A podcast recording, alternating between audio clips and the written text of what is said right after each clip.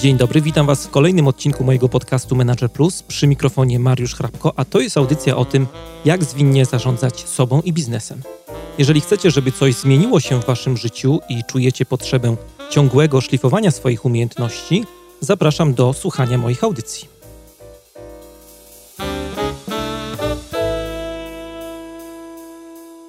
To jest podcast Manager Plus. Dzisiaj e, w audycji będziemy rozmawiali o sztuce błądzenia, jak w taki pozytywny sposób wykorzystywać porażki e, w życiu, e, w organizacjach, jak budować taką kulturę organizacyjną, która akceptuje porażki. No i z tej okazji do programu zaprosiłem dzisiaj Rafała Żaka, trenera, coacha biznesowego, fantastycznego mówcę z dużym poczuciem humoru, no i autora kilku książek, w tym właśnie Sztuki Błądzenia, o której mam nadzieję, że dzisiaj sobie trochę porozmawiamy. Rafale, witam cię bardzo serdecznie. Witam, cześć. Takie pierwsze pytanie na początek. Czy ty masz jakąś swoją taką ulubioną porażkę, która ci się przytrafiła w życiu, taka koncertowa porażka, popisowa? Ja mam sporo takich e, rzeczy, które na poziomie kartki i planu wyglądały dobrze, a potem mhm. skończyły się klapą, albo nawet nie doszedłem do takiego etapu, że coś mogło się zakończyć klapą spektakularną e, takich pomysłów na przykład biznesowych, czy też pomysłów na różne aktywności, które mógłbym podjąć i które nie wypaliły. Mhm. I ja myślę sobie, że to jest o tyle ciekawe, że jak się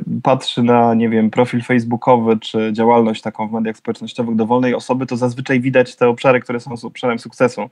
Znaczy rzadko kto pisze o tych rzeczach, które nie wyszły, co może sprawiać czasami takie mylne wrażenie, że w życiu takich osób, które się gdzieś tam upubliczniają, są same sukcesy. E, a ja mam dużo takich pomysłów pod tytułem, nie wiem, napisałem do kogoś pomysł na zaczęcie jakiejś współpracy i to nie wyszło. E, ja też, tak jak powiedziałeś na starcie, kilka książek mam na koncie, ale też mam kilka takich, w których grzebałem i które nie wypaliły. I myślę, że takim najbardziej spektakularnym przykładem jest to, że kiedyś zabierałem się za taką książkę, e, która miała być podręcznikiem wypełniania roli HR menadżera, mhm. w zasadzie HR-owca. To taki, był taki pomysł, żeby napisać książkę, która będzie takim Roboczo ona się nazywała Mały HR-owiec, czyli taka, taka lista podpowiedzi, jak po prostu robić różne rzeczy związane z wypełnianiem tej funkcji personalnej. No i efekt jest taki, że rozgrzebałem jeden rozdział i zarzuciłem ten pomysł. Myślę, że to jest jedna z bardziej spektakularnych, spektakularnych porażek takich e, no, posiadania planu i potem braku wykonania tego planu. Ale temat ci jakoś nie podszedł, czy co było powodem tego, że zrezygnowałeś? Nie, nie, na etapie pomysłu nawet temat mnie zaciekawił rzeczywiście, bo, bo też jest tak, że ja najdłużej na rynku tym rozwojowym funkcjonuję jako trener. Ja zacząłem pracę jako trener w 2003 roku, więc to jest taka moja najdłuższa e, aktywność, jeśli chodzi o te role, takie, nie wiem, coacha, mówcy i tak dalej. E, więc nawet się czułem kompetentny do wyrażania się, czy do wyrażenia jakichś tam prawd na temat tego, co to znaczy być efektywnym człowiekiem HR-u. E, natomiast zauważyłem duże trudności w tworzeniu tej książki. Ja miałem na, na etapie pomysłu taki, taką ideę, żeby pozapraszać wielu HR-owców, którzy się w tej książce wypowiedzą i nagle się mhm. okazało, że to było trudniejsze niż myślałem. E, chciałem zapraszać sporo osób, które na przykład specjalizują się w pewnych obszarach HR-u, na przykład w employer brandingu, po to, żeby się jakoś dzieliły swoją wiedzą i kompetencjami na łamach takiej książki. No i też zauważyłem dużą niechęć do robienia tego. E, no i jak zacząłem później się nad tym zastanawiać, to, to taką, znalazłem taką regułę, że chyba to jest tak, że niewiele osób chce się dzielić swoim doświadczeniem aż do tego stopnia, żeby opisywać na przykład sposób organizacji, nie wiem, jakiś tam ocen 360 stopni w firmie, czy asesmentów i tak dalej. No i to mnie nakłoniło do tego, żeby pomysł zarzucić, a też w międzyczasie oczywiście zacząłem myśleć o innych swoich pomysłach książkowych, które mnie jakoś pociągały bardziej. To jest taki stały, stały spór u mnie, co mnie bawi bardziej w danym momencie. No bo ty strasznie dużo rzeczy robisz. Książek napisałeś e, całkiem sporo, tak jak e, przeglądałem twój życiorys. Jesteś trenerem, tak? I domeną twoją są e, sprawy HR-owe, czy to jest bardziej praca z menadżerami, z liderami, zespołami? Jasne. Ja zawodowo i, i, i, pod kątem czasu, którym, w którym jestem zaangażowany i pod kątem, nie wiem, gdybyśmy nawet przychodowo na to popatrzyli, to główną moją działalnością są szkolenia, czyli praca z moimi grupami. Jakbym szukał, gdybym szukał głównych moich obszarów tematycznych, to, to w zasadzie są trzy takie obszary. Pierwszy obszar to są właśnie projekty menedżerskie, czyli projekty adresowane do kadry menedżerskiej niezależnie e, od stopnia, to znaczy od takiego poziomu, nie wiem, menedżerów liniowych, brygadzistów do poziomu wyższej kadry zarządzającej. Mhm. Drugi obszar trenerski, w którym się odnajduję najczęściej, to są projekty adresowane dla trenerów albo dla osób, które mają zacząć być trenerami lub osobami prowadzącymi działalność rozwojową na rzecz na przykład pracowników, czyli no nie wiem, osób, które wchodzą w jakieś role mentorów, coachów wewnętrznych w organizacji, trenerów wewnętrznych. To jest drugi obszar działalności. No a trzeci obszar działalności to są kompetencje osobiste, czyli takie rzeczy związane, nie wiem, z treningiem wystąpień publicznych, z treningiem komunikacji, współpracy zespołowej, rozwijaniem kreatywności pracowników, czyli taki najszerszy worek, w którym są wszystkie kompetencje związane bardziej z indywidualnymi potrzebami pracowników, a nie z jakąś tam określoną grupą rozwojową, znaczy grupą w pracy, tak jak powiedziałem, menadżerów czy tam trenerów wewnętrznych. Mhm. Czyli takie trzy, w tych trzech obszarach, patrząc po ilości realizowanych projektów przez ostatnie lata, to tam jestem najczęściej obecny. Oczywiście z racji realizacji projektów rozwojowych to się często też wiąże z projektami e, dotyczącymi oceny kompetencji, czyli na przykład z prowadzeniem e, takich procedur Development Center czy Assessment Center, albo z prowadzeniem ocen 360 stopni, nie wiem, konsultowaniem programów komunikacji wewnętrznej w firmach i tak dalej, czyli taką działalnością konsultingową bardziej. No jesteś też coachem, takim coachem tak. przez duże C. Nie uprawiasz y, psychologicznego disco polo, z hmm? tego co widziałem.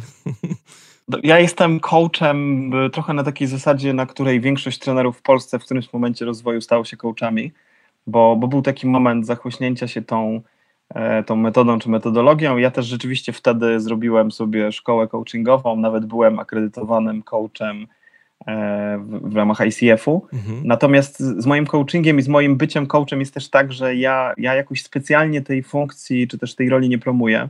No bo trochę jest tak, że jakby próba odnalezienia się we wszystkich tych rolach na równi powoduje, że coś trzeba by było robić po łebkach, więc ja też świadomie coaching wykorzystuję jako narzędzie uzupełniające w realizowanych projektach, na przykład o charakterze szkoleniowym.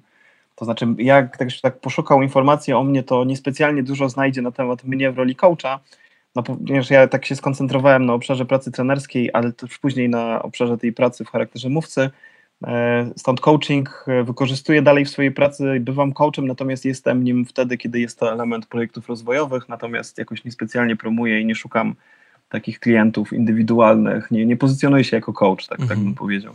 E, wspomniałeś, że jesteś mówcą. Kilka razy wystąpiłeś na TEDzie, też polecam słuchaczom E, mitologię rozwoju, na przykład Twoje wystąpienie.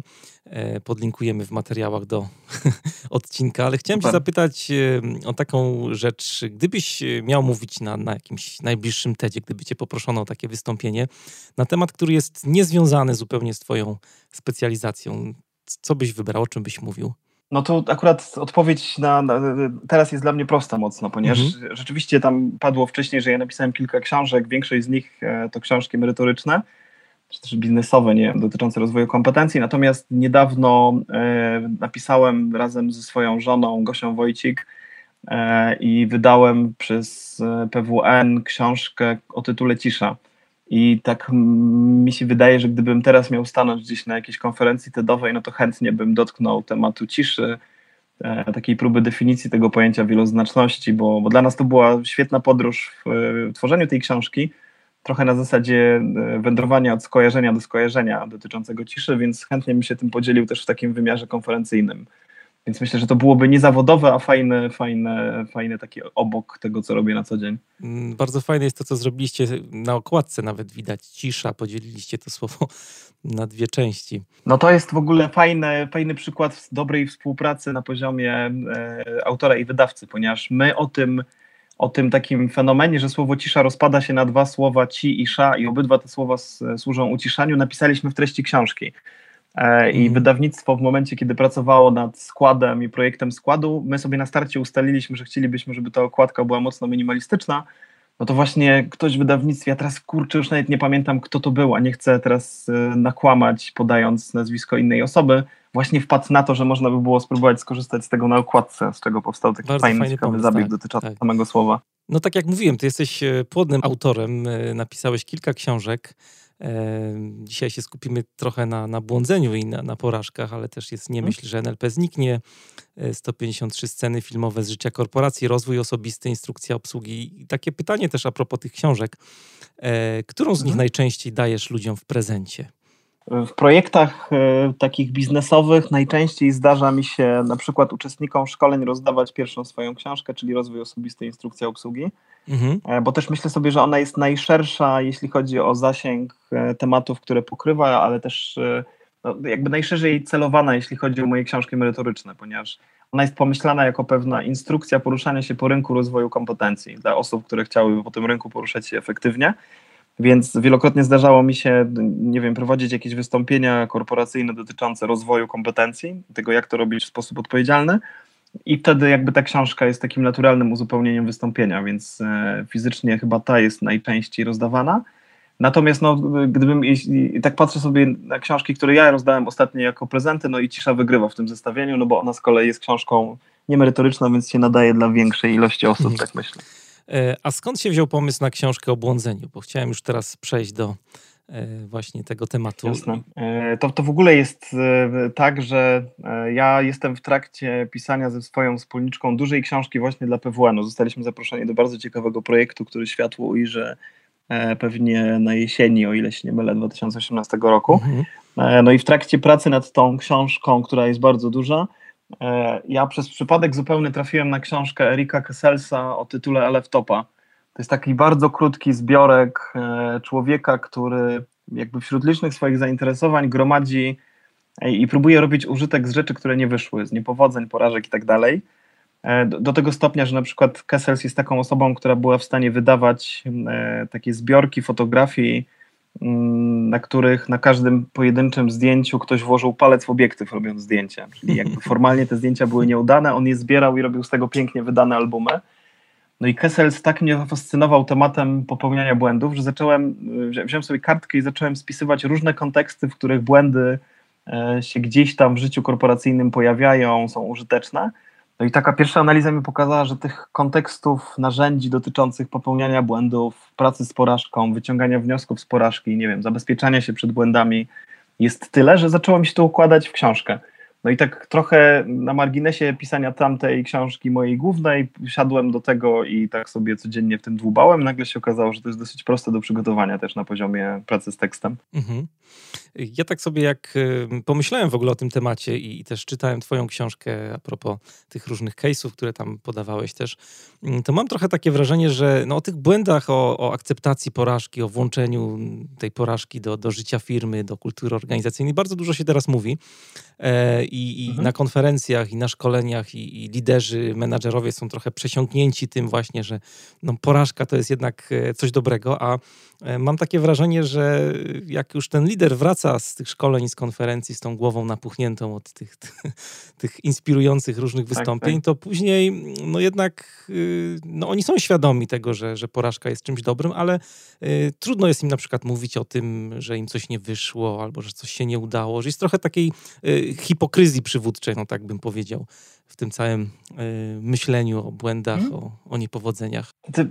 Ja sobie myślę, że z jednej strony rzeczywiście takie proste powtarzanie jak mantra stwierdzenia, że no błąd jest okazją do nauki i tak dalej, rzeczywiście jest mocno obecne gdzieś tam w wystąpieniach takich i o charakterze motywacyjnym i w jakichś wystąpieniach na konferencjach biznesowych. Hmm.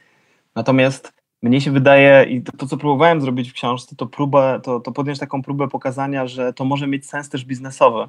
Że to nie jest tak, że nie wiem, że, że jakby taki zaśpiew powinien brzmieć, popełniajmy błędy, cieszmy się z tego i tak dalej, tylko ja próbowałem znaleźć też takie przykłady, które pokazują, że to może być efektywne z punktu widzenia e, kultury organizacyjnej, w której e, taka, taka akceptacja porażek się pojawia.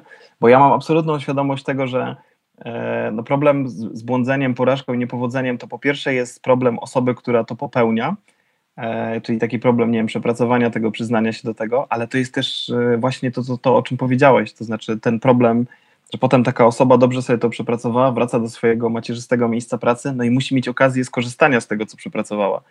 Czyli jeżeli ktoś nawet sobie powie w trakcie jakiegoś wydarzenia rozwojowego, że ok, wyciągać wnioski z błędów jest super, no to dalej musi trafić do firmy, która mu na to pozwoli, a nie będzie go za to, nie wiem, niszczyć, piętnować i tak dalej, tak? Mhm. Że to, to jest jakby trudność dwóch światów, które muszą, muszą się ze sobą zgrać, żeby można było rzeczywiście mówić o tym, że z tych e, niepowodzeń można wyciągać jakieś porażki. E, ale, a to, że powiedziałeś o tym, że się pojawia ten temat szeroko, to mnie się wydaje, że to jest taka naturalna konsekwencja tego, że no jak popatrzymy sobie na na to, co się działo w obszarze rozwoju osobistego i rozwoju kompetencji, no to, to chyba długo byliśmy w takim, takiej fazie pod tytułem wszystko jest możliwe, musisz uwierzyć i tak dalej. Takiej hura optymistycznej, więc być może dlatego w naturalny sposób ta, ta refleksja na temat tego, że porażki się zdarzają, jakoś teraz jest bardziej zauważalna. Tak? Możesz wszystko, tak niektórzy mówią. coachowie. No, no, znaczy to, to, jest, y, to jest, ja jestem, moja ulubiona książka na temat y, szczęścia to jest książka, której angielski tytuł brzmiał Antidotum, czyli o szczęściu dla ludzi nienawidzących pozytywnego myślenia. I to jest, Oliver Burkman to napisał, to zostało przetłumaczone na język polski, natomiast ja teraz nie pamiętam tytułu polskiego tej książki, ja ją znam w oryginale, nawet nie wiedziałem, że została przetłumaczona. E, no i Burkman tam pisze w wielu miejscach, że takie hura optymistyczne patrzenie na wszystko robi krzywdę Zresztą jest kilku takich autorów, głównie na rynku amerykańskim, którzy pokazują, że, że hura optymizm i wiara w to, że zawsze wszystko się uda, e, no to jest na przykład jeden z czynników, który się złożył na kryzys 2008 roku na rynku mhm. E, finansowym. Znaczy wszyscy wierzyli w to, że to się uda, że takie zakładanie się w nieskończoność samego ze sobą w końcu skończy się wygraną. E, I, no i właśnie w ten obszar taki możesz wszystko, to, to jest tak jak w Stanach dzieciakom się powtarza, możesz zostać prezydentem, i tak dalej, i tak dalej. Burkman pisze, że prawdą jest to, że możesz się starać o nominację, natomiast to, co potem zrobią ludzie, i tak jest poza tobą. Więc takie opowiadanie o tym, że każdy może wszystko, nie ma żadnych ograniczeń, e, pewnie nie zawsze jest e, sensowne, tak, z perspektywy odbiorców mhm. i ludzi, którzy w to wierzą. Dlaczego y, pracować powinniśmy na błędach, a nie na przykład na, na sukcesach? Bo to też y, teraz dużo się mówi z kolei o tym, że e, powinniśmy wykorzystywać swoje talenty, a nie skupiać się na, na słabych stronach. E, czy sztuka błądzenia jakoś, nie wiem, stoi w opozycji do tych podejść, czy, czy jest to takie trochę komplementarne? Ja, ja bym na to patrzył jako na komplementarne podejście, ponieważ mhm. ja, kiedy rozmawiam z ludźmi na temat rozwoju kompetencji, nawet w takim wymiarze właśnie rozwoju osobistego e, swoich własnych kompetencji, to ja też jestem absolutnie e, zwolennikiem tego podejścia, które mówi, że w zasadzie powinniśmy się koncentrować na rozwijaniu swoich mocnych stron i takich obszarów talentowych, a te obszary, które są naszym deficytem, powinniśmy rozwijać tylko do poziomu, który nie paraliżuje naszej pracy. Mhm. To znaczy, to jest, to jest to podejście właśnie, nie wiem, zdiagnozuj swoje mocne strony i w nie inwestuj, ponieważ to właśnie w nich masz szansę osiągać jakieś ponadprzeciętne wyniki, no a próba inwestycji, nie wiem, taką metodą pod tytułem robię w firmie diagnozę luki kompetencyjnej, wychodzi mi, że jakiś pracownik ma lukę w danym obszarze i na siłę tą lukę zasypuje, nie ma sensu, mhm. bo to spowoduje, że w zakresie tej kompetencji osiągniemy, nie wiem, rzemieślnika. Ja często ludziom e, w trakcie swoich, swoich szkoleń mówię, podaję taki przykład osobisty, że to jest trochę tak, jakby ktoś chciał e, inwestować w moje kompetencje w zakresie tańca. To nie ma żadnego sensu inwestowanie w tą stronę moje, mojego życia, ponieważ ja, nie, ja tego po pierwsze nienawidzę, jakby tańca jako formę aktywności, e, nie wiem, fizycznej czy, czy społecznej, nie wiem jak to nazwać, więc gdyby ktoś chciał rozwijać mnie w zakresie tańca, bo uznałby, że to jest deficyt, to ja najprawdopodobniej nauczę się powtarzać ruchy. Tak, natomiast dalej to nie będzie obszar, w którym ja osiągnę mistrzostwo, więc nie ma sensu przesadnie inwestować w ten obszar deficytu.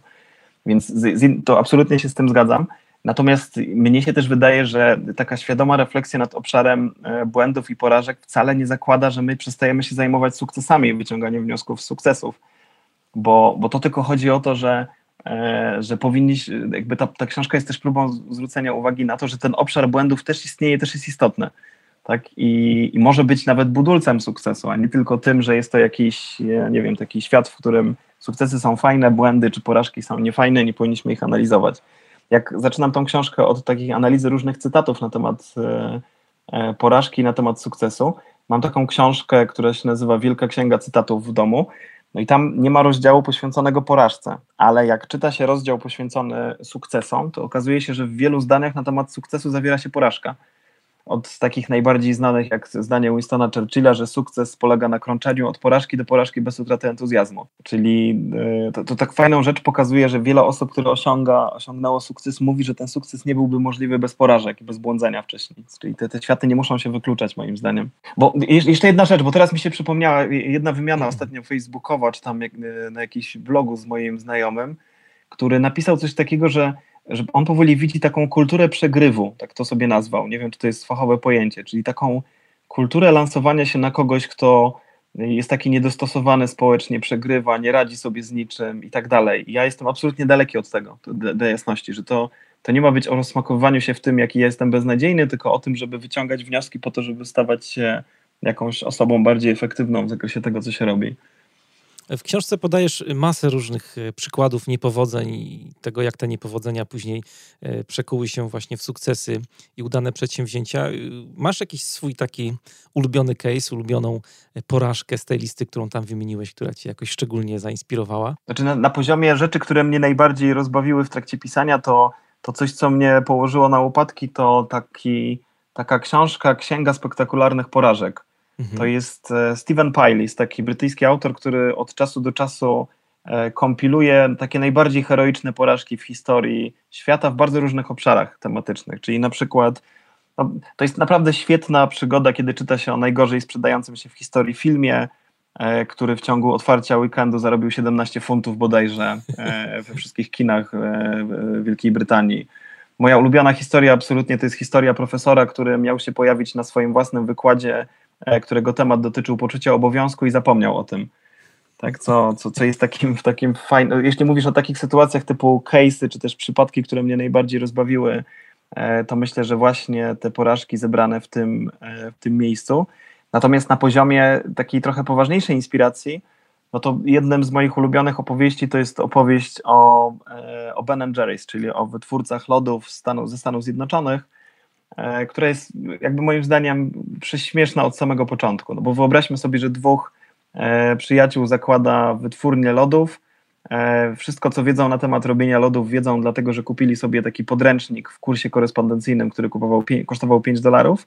Na dodatek jeszcze jeden z nich ma upośledzony zmysł smaku i zapachu, czyli nie, nie, jakby nie ma tych dwóch zmysłów. No i zakładają wytwórnię lodów, co samo w sobie już jest fajnym, fajną opowieścią o błędach, Natomiast to, co mnie najbardziej e, uderzyło, no to to, co i to, jak wygląda ich siedziba. E, przed wejściem do firmy, tam gdzie jest też muzeum Ben Jerry, znajduje się cmentarz nieudanych smaków, czyli takie miejsce, w którym oni chwalą się smakami, które nie wyszły na przestrzeni czasów. I z jednej strony to jest fajne zagranie marketingowe, ale to też jest taki fajny komunikat dla ludzi, którzy w firmie pracują, my tu możemy się mylić. To znaczy, to, że popełniamy błędy wcale nie oznacza, że to nas zabija, tylko to jest jakiś element też naszej historii, więc to jest taka, taka fajna rzecz, że porażka w rozumieniu biznesowym nie jest zamiatana pod dywan, tylko może być takim elementem, na którym się jeszcze jakiś kapitał buduje, tak? Zaufania e, klientów albo, albo właśnie jakoś próbuje się tym wpływać na kulturę organizacyjną. To mi tak strasznie mhm. mocno utknęło w głowie. E, znaczy ten przykład, ja, ja, go znałem wcześniej, natomiast pierwszy raz tak popatrzyłem na niego w kontekście wykorzystywania E, z korzystania z błędów w takim e, rozumieniu budowy kultury organizacyjnej. No ja wczoraj akurat miałem przyjemność te lody jeść. Mieliśmy imprezę rodzinną, więc no. tym bardziej fajny, fajny przykład. I jedna rzecz jest tam też fajna, wspomniałeś trochę o niej, właśnie, że ten deficyt zapachowy, czy to upośledzenie e, tak. jednego właśnie z tych panów spowodował, że oni zaczęli wykorzystywać dorzucanie do lodów różnych kawałków, różnych ingrediencji. A tak, rzeczywiście. Nie? Tak, rzeczywiście było tak, że oni jako pierwsi chyba, jako pierwszy producent lodów tak odważnie eksperymentowali z jakimś dodawaniem ciastek do, do lodów, fragmentów czekolady, co stało się z czasem takim wyróżnikiem tej marki lodów, a zrobili tak, jak sami gdzieś tam widziałem, tłumaczyli właśnie z tego powodu, że ten z nich w zasadzie ze smaku nie miał za specjalnie e, okazji korzystać, tak, więc pokorzystał E, z faktury tych lodów bardziej. Więc to też jest trochę opowieść, jak z deficytu robić rzecz, która jest, która jest wartością biznesową. Tak. Nie, to takich opowieści śmiesznych, no jak czy, czyta się o, o tym, w jaki sposób eliminował błędy w procesie taki e, pan Japończyk, który wygrywał e, konkurs jedzenia hot dogów, Takuro Kobayashi, tak, który na Coney. Island w 2001 roku wygrał konkurs jedzenia hot dogów na czas. To Amerykanie lubią też takie konkursy. No i okazało się, że tak jak poprzedni rekord wynosił 25 chyba jakiś tam ułamek hot doga, no to on nagle zjadł e, tych hot dogów 50 w ciągu 20, 12 mhm. minut. No i, i, w zasadzie to jest śmieszna opowieść o człowieku, który jadł hot dogi, ale jak popatrzymy na nią spokojnie, to to jest opowieść o tym, jak metodą zysków marginalnych coś poprawiać w swoim procesie. Czyli jak robić, e, jak pracować nad poprawą czegoś, e, nad czym pracujemy w taki sposób, żeby to usprawniać, żeby eliminować jakieś błędy w samym procesie pracy nad tym, nad tym celem, którym akurat dla niego było zjadanie hot dogów, bo to, to w jaki sposób on pracował, to jest nie, nie, niewyobrażalna opowieść. Dość powiedzieć, że w następnym roku już wszyscy tak robili, wszyscy zawodnicy. Tak więc on już nie miał takiej pozycji hegemona absolutnego. Natomiast no, sama opowieść jest porażająca o hot dogach i o tym, w jaki sposób jeść je najlepiej. Gdyby ktoś chciał pobić rekord, to tam jest, w książce jest dosyć prosta instrukcja, jak to robić. 50 hot dogów, no, no nie wiem, ja, ja bym 12 minut. To jest, tak. Ale to, to, to jest też, większość osób, trenu, gdyby miało to trenować, to po prostu trenowałoby jedzenie hot dogów. A mhm. Takeru Kobayashi robił coś takiego, że zaczął się zastanawiać i po prostu robił eksperymenty, e, w jaki sposób się je lepiej je. Czy na przykład łamać je na pół, czy nie. Czy oddzielać parówki od bułek. Czym je popijać. Czy namaczać je w wodzie wcześniej. Czy na przykład ta woda powinna być zimna, czy ciepła. Czy powinien zaczynać szybko, a kończyć wolno, czy na odwrót i tak dalej, i tak dalej. Więc on, cały jego sposób pracy to jest po prostu robienie drobnej rzeczy i poszukiwanie błędów w tym swoim procesie i eliminowanie tego, co było błędne i robienie innego, co działało i tak dalej, i tak dalej. To jest świetna rzecz. Wspominałeś, że y, dużo szkolisz i pracujesz też y, z kadrą menedżerską czy, czy z zespołami. Czy w, w takiej codziennej pracy dotykacie w ogóle tematu błądzenia, porażek w projektach, y, w pracy zespołów? to się najczęściej pojawia w pracy, znaczy oczy, oczywiście jakieś pojedyncze inspiracje pojawiają się od czasu do czasu w momencie takim kontekstowym, że mówimy sobie na przykład z menadżerami o tym, w jaki sposób menadżer mógłby reagować na błędy w swoim zespole, czy na porażki, niepowodzenia, no i wtedy pojawia się czasami taki kontekst opowieści o tym, e, co można by było z tymi błędami zrobić. Natomiast e, ten temat się zawsze pojawia na przykład wtedy, kiedy ja pracuję z menadżerami e, w takich tematach dotyczących tego, w jaki sposób menadżer może rozwijać swoich pracowników, czyli taki, takich tematach jak, nie wiem, menedżerskie narzędzia rozwoju pracownika albo menadżer w roli coacha, menadżer w roli mentora i tak dalej. No bo tutaj pojawia się dużo inspiracji dotyczących tego, że akurat w przypadku rozwoju i rozwijania kompetencji popełnianie błędów po prostu ma sens. To znaczy uczenie się przez e, doświadczanie, wrzucanie kogoś w doświadczenie, gdzie popełnia błąd i wyciągamy sobie z tego wnioski, jest efektywną metodą rozwoju kompetencji. Stąd wtedy jakby te zalecenia dotyczące tworzenia sytuacji edukacyjnej, gdzie ludzie mogą błądzić, no to się już wprost pojawiają jako pewien fragment warsztatu. Mnie się nie zdarzyło jeszcze prowadzić zajęć takich, które byłyby stricte szkoleniem na temat, e, nie wiem, właśnie trochę na kanwie książki. Myślę, że na to przyjdzie czas za chwilę, jak będę miał e, możliwość przerobienia tego do postaci scenariusza. Częściej wykorzystuję to w takich wystąpieniach, które bardziej mają charakter inspiracyjny niż, E, niż e, szkoleniowe. no właśnie, razie. bo zadałem Ci to pytanie, bo takie drugie pytanie, które gdzieś tutaj mi się y, pojawiło w głowie, dotyczy jakby metod pracy z błędami. No bo e, jedna rzecz, to o czym tutaj mówisz, to jest trochę praca nad świadomością liderów w firmie czy, czy, czy menedżerów, którzy pracują z ludźmi. No bo jednak przez te pogadanki, przez szkolenia czy elementy, które gdzieś tam się pojawiają na Twoich wystąpieniach, cały czas no, pracujesz nad świadomością takiej osoby, żeby dawać jakieś takie przyzwolenie na E, niepowodzenia w codziennej pracy, no bo niepowodzenia też są powiązane z innowacjami, no i cały, cały ten proces e, tutaj się jakoś zamyka. Czy oprócz tego są jakieś takie narzędzia konkretne pracy z błędami e, w firmach, które można by zastosować? Tak, to znaczy bardzo dużo narzędzi jest na poziomach, na poziomie zapobiegania błędom i na poziomie wyciągania wniosków z błędów, które się pojawiły. I tu to, co jest ciekawe, to na przykład przenoszenie inspiracji ze świata firm produkcyjnych na pozostałe gałęzie e, mhm. prowadzenia biznesu. Czyli na przykład pokazywanie osobom, bo osoby z firm produkcyjnych zazwyczaj te narzędzia znają i je wykorzystują, ale na przykład kiedy pokazuje się w firmach, które są z zupełnie innych sektorów, na czym polega szukanie marnotrawstw w procesie. To znaczy, w jaki sposób można próbować robić coś, co najczęściej nazywa się koncepcją lean management albo lean office to lean manufacturing to szczupłe wytwarzanie, czyli taka idea, w której w procesie produkcji szukamy marnotrawstw, czyli takich działań, które nie dodają wartości do produktu. No i teraz ten lean manufacturing wyszedł nam na inne obszary e, działania biznesowego, no i mamy właśnie te szczupłe zarządzanie albo szczupłe życie biurowe, tak można było powiedzieć. I teraz, kiedy pokazuje się ludziom, którzy są spoza firm produkcyjnych, że rzeczywiście można poprawiać proces pracy drobnymi usprawnieniami, no to to jest taka, taka rzecz, że to nawet nie jest inspiracja, tylko to jest gotowe narzędzie do zastosowania. Kiedy na przykład z rynku e, czy też z branży medycznej i lotniczej bierze się listy kontrolne i pokazuje się, jakie one mogą mieć korzyści biznesowe, no to też jest wprost przenoszenie pewnego narzędzia z jednego obszaru biznesu na drugi.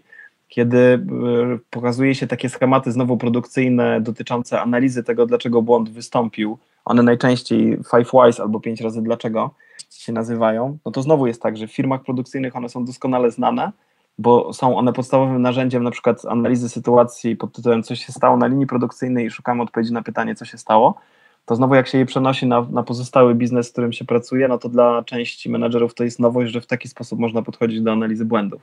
Więc sporo jest też takich metod, które nie są, bardziej, nie są jakby inspirującą opowieścią o tym, co można robić z błędami, tylko są w zasadzie metodologią, pewną metodą pracy dotyczącą, dotyczącą błędów. Ja też po napisaniu tej książki mam taką refleksję, że sporo dałoby się zrobić na temat popełniania błędów dla takiej kadry absolutnie topowej menedżerskiej czyli dla takich osób, które decydują o przyszłości organizacji, bo, bo mnie się udało dotrzeć do kilku takich miejsc, które na przykład pokazują o tym, e, są poważną analizą dotyczącą tego, w jaki sposób padały wielkie firmy, to znaczy w jaki sposób błądzili najwięksi, jeśli chodzi o swoje pomysły biznesowe, e, albo takich e, podejść opisywanych, w których na poziomie decydentów organizacji świadomie się popełnia błąd, żeby zobaczyć, co on da, tak? czy on będzie miał jakieś pozytywne konsekwencje.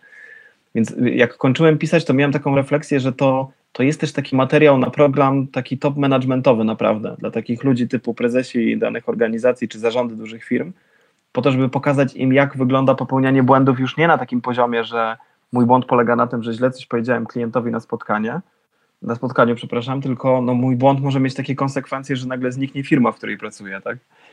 Więc y, myślę, że to też jest fajny obszar takiej refleksji dotyczącej wykorzystania wiedzy o błędach na takim konkretnym biznesowym froncie robót. To ciekawe bardzo, co powiedziałeś o tym wywoływaniu porażki, takim sztucznym wywoływaniu. Rozmawiałem e, kiedyś ze znajomą, która z zespołami akurat pracuje jako taki coach e, zespołów i ona mówi, że ona sztucznie wywołuje konflikt czasami w zespołach po to, żeby właśnie ten zespół się bardziej mógł rozwinąć jeszcze. Ja bym, ja bym ciekawy byłbym publicznego przyznania się do tego, bo, bo rzeczywiście jest tak, że w zakresie zarządzania e, ja nie wiem, jakoś przygasła wiedza o tym, natomiast tak z 10 lat temu pamiętam, mhm. że głośno się mówiło o takiej koncepcji zarządzania przez konflikt. Już nie zarządzania konfliktem, tylko zarządzania przez konflikt. Nawet były opisy takich metodologii pod tytułem no właśnie celowego wywoływania konfliktu po to, żeby e, ludzie przepracowując ten konflikt wznosili się na jakieś wyżyny swoich możliwości, tak, jakby jako zespół. I co, coś, co było ciekawe, jak wtedy się tym interesowałem, to można było znaleźć opisy, jak to działa, ale trudno było znaleźć firmę, która by się przyznała, że to robi. Tak, taki, która by oficjalnie o tym powiedziała, że to jest nasz sposób zarządzania, bo, no bo ja pamiętam takie pierwsze za, dwa zalecenia, które pamiętam na, na poziomie, co menadżer może zrobić, żeby zrobić konflikt. To pierwsze zalecenie to jest stwórz podwójne podległości, czyli doprowadź do sytuacji, żeby ludzie mieli dwóch szefów. Mhm. I to jakby samo w sobie jest dosyć prostą drogą do uzyskania konfliktu w tym zespole a druga to była na przykład losowo dziel zasobami. Czyli jak dostaniesz do jeden samochód na zespół, to po prostu wymyśl sobie, kto go dostanie. Bez jasnych zasad, tak? I to wystarczy do wywołania konfliktu. Więc jeśli się kiedyś znajoma zdecyduje na opisanie tego, to ja chętnie poczytam, jak to działało. To jej, to jej przekażę.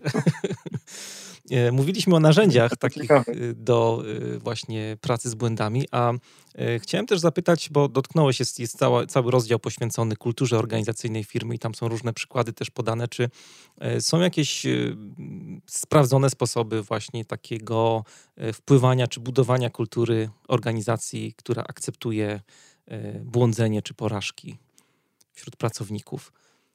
Mhm. No, to też jest tak. Y, kiedyś pamiętam na kongresie kadry prowadziłem taki panel dyskusyjny z dwójką zaproszonych HR-owców i tam ktoś z publiczności zadał pytanie tej, y, tym HR-owcom, jak HR może wspierać budowanie kultury organizacyjnej, czy jak to można robić od środka.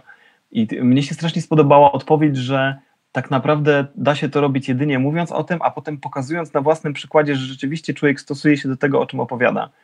Czyli, czyli jakby trudność polega na tym, że jeśli chcemy w jakiś sposób budować kulturę, w której porażki są wartością i mogą być analizowane w sposób taki e, pragmatyczny na przyszłość, no to potem niestety wymaga to od kadry menedżerskiej, od firmy trzymania się tej zasady. Czyli w obliczu rzeczywistego problemu, który się pojawia, trzymanie się tego, że na przykład pozwalamy sobie na nie karanie tej osoby, tylko na wyciąganie wniosków z tego, co ona robi.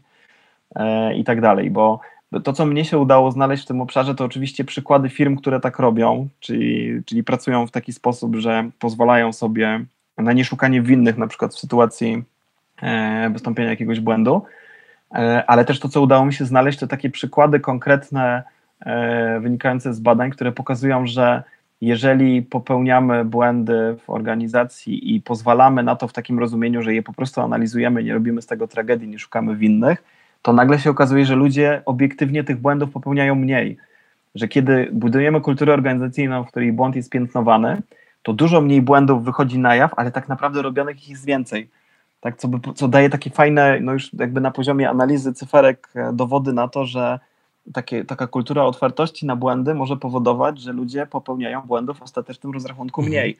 ponieważ skoro nie boją się popełniania błędów i wiedzą, że nawet popełnienie błędu kończy się przeanalizowaniem tego, co się wydarzyło, e, no to wtedy mogą trochę odważniej podchodzić do tego. E, praktycy firm produkcyjnych mówią o tym, że no, firmy produkcyjne i w ogóle proces produkcji jest tak pomyślany, jak myślimy sobie o takim podejściu jakości wbudowanej w proces, że kiedy zauważamy jakiś błąd, to pierwsze założenie jest takie, że to nie jest błąd człowieka, tylko procesu. Mhm. To znaczy, że coś lepiej mogliśmy zrobić w samym procesie. I jak rozmawia się z ludźmi, którzy patrzą na to z perspektywy firm produkcyjnych, to oni mówią, że oczywiście jest e, takie, takie naturalna, nie wiem czy pokusa, czy naturalna tendencja do tego, żeby i tak szukać winnego, że to jest takie naturalne. Natomiast cała trudność polega na tym, żeby się zatrzymać na poziomie analizy całości procesu i nie bać się tego. E, jeden, jeden z moich zaprzyjaźnionych HR-owców z firmy produkcyjnej opowiadał kiedyś opowieść chyba szefa HR-u e, Toyoty, który e, człowieka ze Stanów, który pojechał do Japonii i jakby poszedł taką tradycyjną drogą, to znaczy w pierwszy dzień postawili go na linii produkcyjnej. I on zrobił coś takiego, że montując coś tam w samochodzie, zarysował dach i miał, opowiadał o tym, że miał taki moment zastanowienia, czy on się powinien przyznać. Mhm. Ale w końcu się przyznał, zatrzymał linię produkcyjną, był przerażony w ogóle tym, że w pierwszy dzień pracy przyjeżdża on jako szycha ze Stanów i zrobił jakieś straty w samochodzie. No i na drugi dzień rano na odprawie zauważył, że grupa Japończyków ze sobą rozmawia, pokazuje na niego i coś szepczą i pada jego nazwisko. Więc był absolutnie przekonany, że za chwilę dostanie e, jakąś połajankę tak ze strony tych e, pracowników, a to, co oni za chwilę zrobili, to każdy z tych pracowników do niego podszedł, ukłonił się i został publicznie pochwalony za właśnie prawidłowe zachowanie, że w sytuacji jakby zbłądzenia przyznał się do tego, tak jakby mhm. otwarcie. No i myślę sobie, że takimi działaniami można próbować budować kulturę, która e, jakby z błędów próbuje korzystać, bo korzystanie z błędów i jakby podejście do niej racjonalne nie oznacza tego, że my wybaczamy wszystko, tak? Hmm. Że to nagle jest takie środowisko, w którym nie patrzymy na wynik, tylko mówimy sobie, o super, fajnie, że zbłądziłeś, jakby może następnym razem ci wyjdzie, tak? No właśnie, żeby sobie powiedzieć, co to znaczy tak naprawdę, nie? To ta akceptacja porażki, czy dopuszczanie błędów e, w procesach.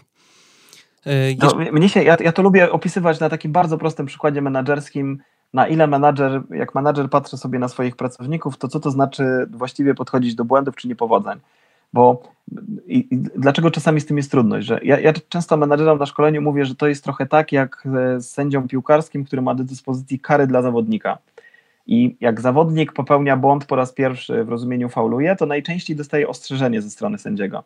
Potem jak robi to drugi raz, to dostaje żółtą kartkę, która de facto jest zapowiedzią czerwonej, a jak robi to kolejny raz, dostaje czerwoną. No i to jest taka sekwencja, że najpierw jest jakaś korekta zachowania, a potem jest dopiero zapowiedź tej czerwonej kartki i dopiero się ją dostaje. E, I po pierwsze, wydaje mi się, że czasami w, reakcji na błędy my za szybko sięgamy po czerwone kartki. To znaczy nie, nie przechodzimy tej naturalnej sekwencji pod tytułem najpierw jest upomnienie, a potem dopiero kara jakby pierwszego stopnia i drugiego, mm. kara w rozumieniu kartki żółtej. E, I to jest jedna strona medalu, ale też zawsze mówię menadżerom, że trzeba pamiętać, że czasami faul jest taki, że się od razu dostaje czerwoną. Że że potrafię sobie wyobrazić, że pracownik w pierwszym tygodniu pracy w firmie tak nawywija, że to nie ma takiego, że nie ma przestrzeni na upomnienie i akceptację porażki czy błędu. Tak, bo to nie może być tak, to nie może być opowieść pod tytułem prawie nas wysadziłeś w powietrze, ale zostaniemy teraz na upomnieniu. Tak? No kasjerka albo, na przykład, no, która tak świadomie się myli tak. na kasie, nie? Tak, albo przydarzyło ci się, nie wiem, ukraść milion złotych, ale tym razem ci wybaczymy. No to tak nie działa, tak? Są takie takie zachowania, które od razu powodują e, ostrzejsze reakcje tak, na te sytuacje, które są błędem. Zresztą no to też jest, to, to jest taki, widziałem taką e, książkę, która nazywa się Human Error, gdzie jest taki świetny rozdział, tylko ona jest, ona jest bardzo poważną pozycją, chyba socjologiczną trzeba było powiedzieć, jest taki poważny rozdział dotyczący rozstrzygnięć pomiędzy błędem umyślnym, nieumyślnym. Czy jak powinniśmy reagować, kiedy błąd wynika z tego, że ktoś chciał dobrze, ale mu nie wyszło, a czym innym jest sytuacja, kiedy ktoś wiedział, że popełniał błąd, a i tak to robił, tak? Jakby, mhm. Więc to teoretycznie na, na poziomie wyniku wszystko jest błędem, tylko jest różnica intencji i zachowania, nie wiem, świadomości w tym wszystkim, tak? Pewnie to są codzienne decyzje dotyczące tego, czy to jest omyłka, czy to jest błąd, czy to jest porażka, jakby to nie nazywać tego obszaru. Wspominałeś wcześniej o Japonii i o Stanach, o tych dwóch kulturach i bardzo mi się podobało w książce właśnie mm, e, pokazanie tych dwóch procesów uczenia się, które są z tymi kulturami związane podejście do błędów mhm. w szkołach japońskich i, i, i, zachodnich, gdzie w szkołach japońskich e, bardziej się zwraca uwagę na to, czy nauczyciele zwracają uwagę na to, żeby uczeń zrozumiał, jaki jest powód pomyłki, żeby zrozumiał, jak ta pomyłka powstaje, no a w, w kulturach zachodnich jest bardziej taka tendencja do tego, żeby ten błąd jak najszybciej e, skorygować, e, no po to, żeby na przykład, nie wiem, tak. honorować czy, czy szanować komfort ucznia. No i w firmach też tak mhm. jest trochę, nie? że staramy się jak najszybciej naprawić błąd, co jest fajne, bo jak mamy jakąś apkę, która przestaje działać, to chcielibyśmy, żeby jak najszybciej działała, ale później no też nie wszyscy mają czas w tym biegu takim e, organizacyjnym na to, żeby się zastanowić e, nad tym, jak doszło do powstania tego błędu, czy wyciągnięcie jakichś lekcji e, z tych niepowodzeń. No, to jest, to jest rzeczywiście taki rozdział dotyczący lekcji matematyki w dwóch szkołach, japońskiej i, e, i amerykańskiej. I tam wnioski e, autora są takie, że rzeczywiście w Japonii podejście jest takie, że nawet jak uczeń myli się na środku, to nauczyciel nie, że, że podstawową strategią nie jest to, żeby dać mu zejść jakby ze sceny, tylko on radzi sobie z tym problemem przy wsparciu nauczyciela i klasy, ale próbuje sam to, ten problem przepracować. E, oczywiście to jest tak, że to trochę wskazuje na to, że mniej się liczy ten komfort tak, w sytuacji przeżywania porażki. I z jednej strony ja przytoczyłem w książce taki, takie argumenty, że no, jakby tak popatrzeć na wyniki e, szkolnictwa, no to Japonia ma te wyniki w zakresie tych e, naucz, znaczy przedmiotów ścisłych wyższe niż Stany Zjednoczone. Zresztą podobno jest nietrudno wygrać z wynikami edukacyjnymi amerykańskimi w tym obszarze. Natomiast z drugiej strony też trzeba pamiętać, że jak się tak popatrzy na dane dotyczące samobójstw wśród młodych ludzi, no to te dane z Japonii są przerażające, tak? I być może to trochę wynika z tego nacisku, tak, na, mhm. na rozwój, e, osiąganie i tak dalej. Natomiast tam dużo ciekawsze wyniki były, e, kiedy się porównywało to, w jaki sposób ludzie w kulturach azjatyckich i w kulturach anglosaskich reagują na, na to, co się im mówi. Znaczy okazywało się, że kiedy dwie grupy e, wykonywały określone zadanie, to miał być, badacze powiedzieli, powiedziano tym grupom, że to będzie taki test oceniający związek pomiędzy kreatywnością a inteligencją emocjonalną. No i po wypełnieniu losowo wybranym osobom mówiono, że coś im poszło źle, a innym, że dobrze. To znaczy to było absolutnie losowe, to nie miało mhm. związku z realnym wykonaniem e, działania, tylko e, potem się okazywało, że kiedy tłumaczono kiedy w kulturze anglosaskiej mówiono osobom, że wypadli dobrze, to oni chętniej zajmowali się pozostałymi dodatkowymi zadaniami podobnymi do tego, co robili wcześniej. Natomiast w przypadku Japończyków było odwrotnie, że w Japonii było tak, że to ci, którzy usłyszeli, że źle im poszedł test, dłużej się zajmowali tymi zadaniami. Co pokazuje, że to ma też takie znaczenie praktyczne dotyczące e, sposobu funkcjonowania i też dotarcia takiego motywacyjnego do ludzi, tak, z tych dwóch obszarów kulturowych. Hmm. No u nas w szkołach błędy są piętnowane, więc za wszelką cenę trzeba ich unikać, bo inaczej będzie źle, jeśli chodzi o naszą To jest, to ja, jeśli mogę do tego, ja uwielbiam taką rzecz ze swojego osobistego życia e, szkolnego, zresztą to trochę pokazuje, jak to po latach sobie przypominam, skąd u mnie takie sceptyczne podejście do prawd różnych, które poznaję, bo ja rzeczywiście lubię w taki sceptyczny i ostrożny sposób podchodzić do rzeczywistości. Ja ja mam w głowie taką scenę z mojej lekcji języka polskiego, kiedy e, próbowaliśmy opanować, czy ja próbowałem opanować wiersz, który nazywał się Pieśń o żołnierzach z Westerplatte. I to jest taka, taki wiersz pod tytułem Kiedy się wypełniły dni i tak. przyszło zginąć latem, prosto do nieba czworkami szli żołnierze z Westerplatte. Tak się zaczyna. Mhm.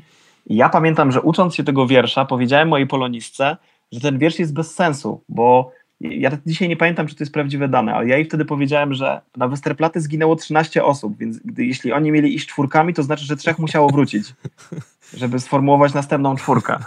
I ja dostałem wtedy, to nie było tak, że ktoś docenił, że ja zauważyłem brak, brak logiki albo brak spójności. Ja po prostu dostałem pałę i musiałem to nauczyć się tego na blachę, dlatego pamiętam do dzisiaj. Jakby Żak całą jest tą opowieść. arogant pewnie, tak? Tak, ale wiesz, to, to jest taki fajny komentarz do tego, że rzeczywiście chyba, ja, ja nie mogę się wypowiadać na temat szkoły dzisiaj, bo ja szkołę znam ze swojej szkoły, więc to jest kilkadziesiąt już niestety, jak tak się o tym mówi, lat e, wstecz, bo ja kończyłem szkołę podstawową w którym roku? W 86 zaczynałem, czy 87, więc generalnie to było sporo czasu temu. E, nie wiem, jak wygląda to dzisiaj, ale też mam takie skojarzenie, że to raczej chodziło o złapanie kogoś na błędzie niż o mhm. docenianie krytycznego myślenia, negowania prawd i tak dalej. Być może teraz jest lepiej w rozumieniu inaczej, znaczy inaczej w rozumieniu lepiej w szkołach, nie wiem. Masz jakieś swoje e, ulubione sentencje, złote myśli, których używasz, czy kierujesz się w życiu nimi? A, teraz już mówisz o takich spoza, e, spoza błędów też, tak? Tak. E, ja mam takie dwie rzeczy, które uwielbiam. Co ciekawe, jedną sformułował pan. E, muszę się zastanowić nad jego imieniem i nazwiskiem. Mhm. Nazwisko brzmi. Guy to jest imię, a nazwisko brzmi Wernejczuk. Taki jeden ze znanych osób występujących w zakresie tak. motywacji. Wejnerczak, tak? Chyba tak, dobrze tak, powiedziałem. Tak, tak. Ja uwielbiam taki jego krótki fragment, w którym ktoś go zaczepia w taksówce i taka, taka kobieta krzyczy do niego: Powiedz mi coś motywującego. I on mówi: co? I ona mówi trzy słowa i on do niej mówi umrzesz po angielsku. Znaczy mówi do niej you gonna die, to są die, trzy słowa. Tak. I ja to uwielbiam, bo to jest też taki fragment z książki Burkmana, który mówi, że jednym z takich sposobów budowania trwałego szczęścia to jest zastanowienie się nad tym, że umrzesz od czasu do czasu. Mhm. I to jest taka strategia, która u mnie działa, czyli takie zdanie sobie sprawy z tego, że jesteś śmiertelny. I moim zdaniem w obszarze motywacji to jest najlepsza rzecz, jaką ludziom można, ludziom można powiedzieć. A Gary jest niesamowity. No, umrzesz, teraz coś z tym zrób. No. On jest kosmitą w ogóle. Ja, uważam, nie, jak, on jest z innej planety. Jest, ja też jakby ja mam czasami z nim tak, że jak próbuję słuchać czegoś dłuższego, to nie umiem tego wytrzymać. Jakby tempa jego mówienia, on jest taki, ma taki poziom energii, do którego trudno się dokleić czasami z perspektywy odbiorcy. Chociaż ty też szybko Więc... mówisz. Jak, e, jak, oglądałem twoje wystąpienia, to w sumie no jest, y, jest, jest dość szybko czasami, ale mimo wszystko no nie jest to... No to jest rzecz, nad którą ja pracuję i próbuję zwalniać tak e, świadomie, natomiast wychodzi mi to, moim ja, zdaniem Ja jestem taką osobą jako słuchacz właśnie, że ja lubię sobie niektóre rzeczy jak, e, bo ty w swoich prezentacjach, tak samo zresztą w książkach otwierasz różne czakry i ja czasami sobie lubię tak na chwilę chociaż się zatrzymać, żeby sobie przeanalizować analizować tak. to, co powiedziałeś, a tutaj już wrzucasz kolejny temat czasami, który jest super, mega ciekawy i, no ale mimo wszystko jest to bardzo inspirujące. Ale także. jest tak. To, to ja jak mówiłeś wcześniej o tym opieraniu się na talentach, to ja pamiętam e, w takim chyba najbardziej popularnym narzędziu do diagnozy talentów, teście talentów Galupa, do którego zresztą też tam jakieś zastrzeżenia można mieć metodologicznie. Ja mam taki talent wiodący, znaczy jeden z tych w tej piątce to jest taki talent polegający na zbieraniu czyli na takim kolekcjonowaniu strzępów mhm. z różnych obszarów wiedzy i tak dalej. Więc ja też widzę czasami, że ulegam takiej gonitwie tego, co mi się akurat pomyśli na dany, na dany temat. No ale w e, prezentacjach jest to fajnie, bardzo zostaje. fajnie podane i, i też y, no, z dużym humorem. No na przykład y, cały czas gdzieś uśmiecham się, jak myślę hmm? o tych wszystkich wstawkach a propos Grzegorza Turniaka, tak? Tak. Z twoich wystąpień. No Grzegorz zawsze przy do mnie przychodzi, ja to robię zazwyczaj na festiwalu inspiracji, gdzie wiem, gdzie Grzegorz jest, że Grzegorz jest na sali, no i za każdym razem Grzegorz do mnie przychodzi i mnie chwali za to, że znowu o nim powiedziałem, tak jakby trochę komentując. Ten, ten Bo ja, ja kiedy, kiedy występowałem na festiwalu kiedy, kiedy występowałem na festiwalu pierwszy raz, to zrobiłem, to powiedziałem o tym, że że jednym z tych sposobów, ja wtedy mówiłem o tym, w jaki sposób prowadzić wystąpienia na takim festiwalu i wtedy powiedziałem o tym, że jednym ze sposobów jest zawłaszczenie tematu i podałem właśnie przykład Grześka Turniaka jako osoby, która absolutnie się kojarzy z e, networkingiem, tak?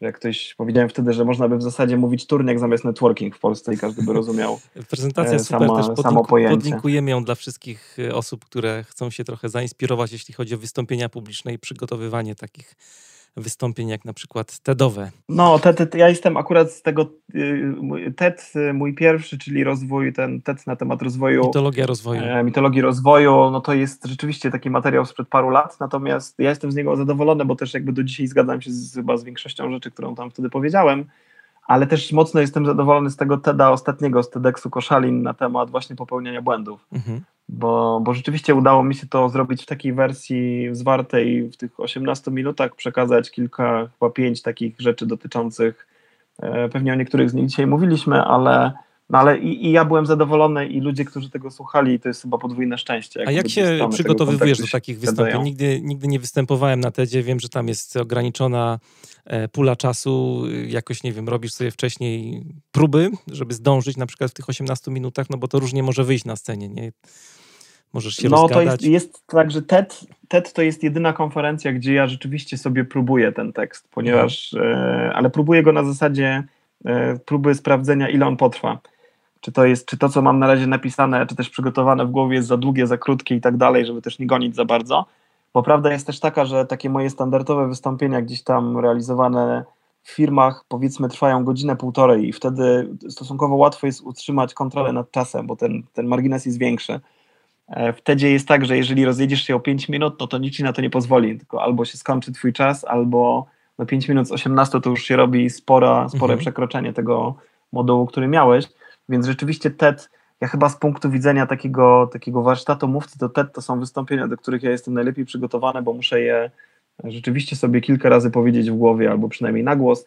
Ja na ten TEDx Koszalin e, doleciałem sobie do Gdańska i z Gdańska do Koszalina jechałem z samochodem. To trwało jakieś 3 godziny i w ciągu tych 3 godzin chyba 6 razy sobie to powiedziałem, tak? Więc miałem taki, taki, naprawdę miałem takie poczucie, że pierwszy raz w życiu tak jestem przygotowany, jak podręczniki zalecają, że trzeba, bo zazwyczaj nie jestem aż tak. Na koniec przygotowaliśmy y, dla Was y, krótki konkurs. Do wygrania są aż trzy egzemplarze książki Rafała. Y, książki pod tytułem Sztuka błądzenia.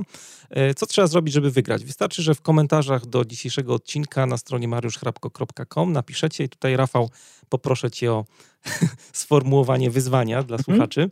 Tak, wyzwanie brzmi opowiedz krótko o błędzie, który udało Ci się popełnić, które, który w efekcie doprowadził się do czegoś, co oceniasz jako wartościowe, do czegoś mhm. dobrego, fajnego, co dało ci korzyści. Super.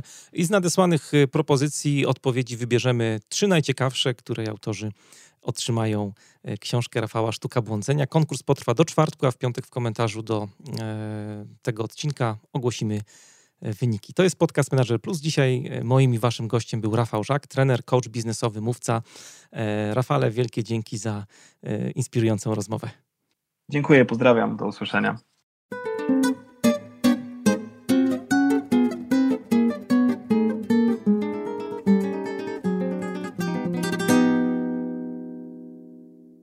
Domingo tem rede, ressaque na vizinha tem. Tem roupa no varal e alguém gritando no quintal por seu Gessé. O telefone, minha filha, atenda aí. Era Nadir, diz que o Pedrinho vem no fim do mês.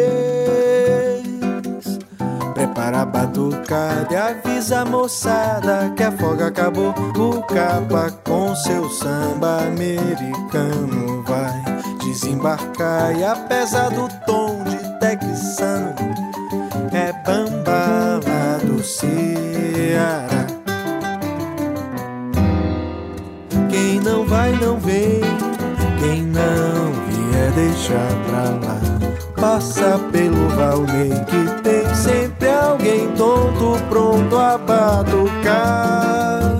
Meu irmão, traz uma cerveja, assim não dá para se concentrar.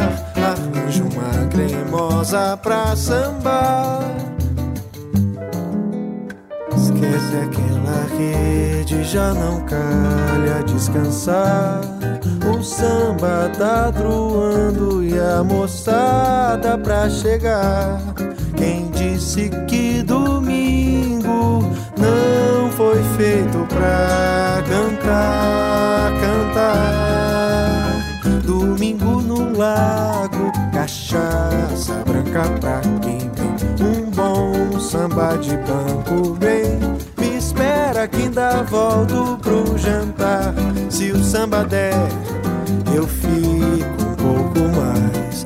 Mas volto cedo, pois amanhã é de trabalhar.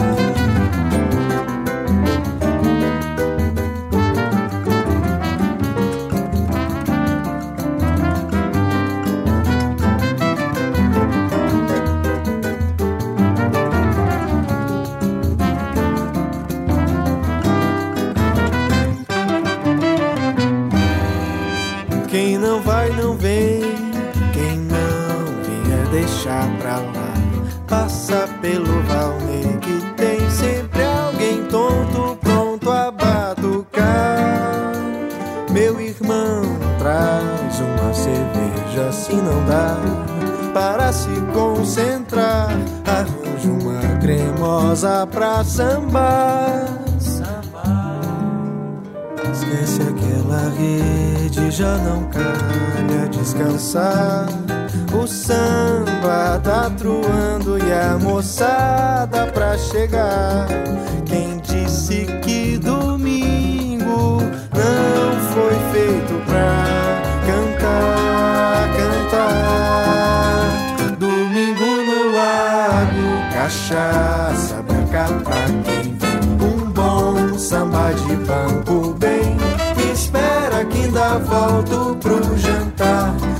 sambadé. Eu fico um pouco mais, mas volto cedo, pois amanhã é de trabalhar.